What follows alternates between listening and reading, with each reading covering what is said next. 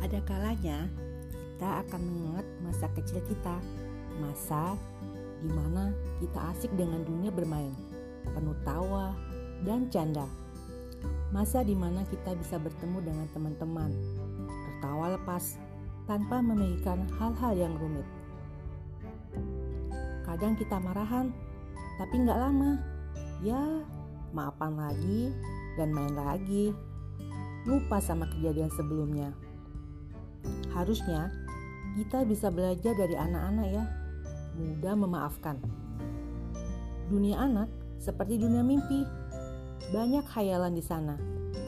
Apalagi kalau lagi main rumah-rumahan, kita bisa berperan jadi apa saja. Bisa jadi orang tua, jadi anak, jadi dokter, polisi, dan berbagai macam profesi. Kita bermain karakter dan lakon, ngomong sendiri, dan menyelesaikan cerita itu sampai akhir.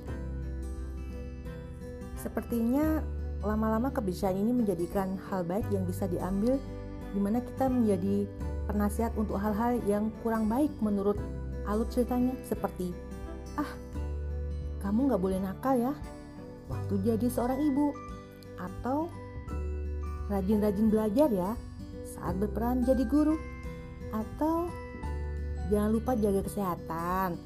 Jangan lupa jangan lupa minum obat. Waktu main dokter-dokteran. Anak-anak identik dengan tidak mau diam alias tidak bisa duduk anteng kayak patung. Dia akan senang berlari lompat guling. Ingat gak dulu kita suka main petak umpet. Kita akan lari sejauh-jauhnya nyari tempat aman sampai yang jaga benteng lama nungguin. Gak ada yang balik-balik. Kasian deh. Anak mengajarkan kita ketulusan mengajarkan kepolosan dan kejujuran. Jadi untuk apa kita tidak bisa jujur? Sayangi anak dan biarkan mereka bahagia.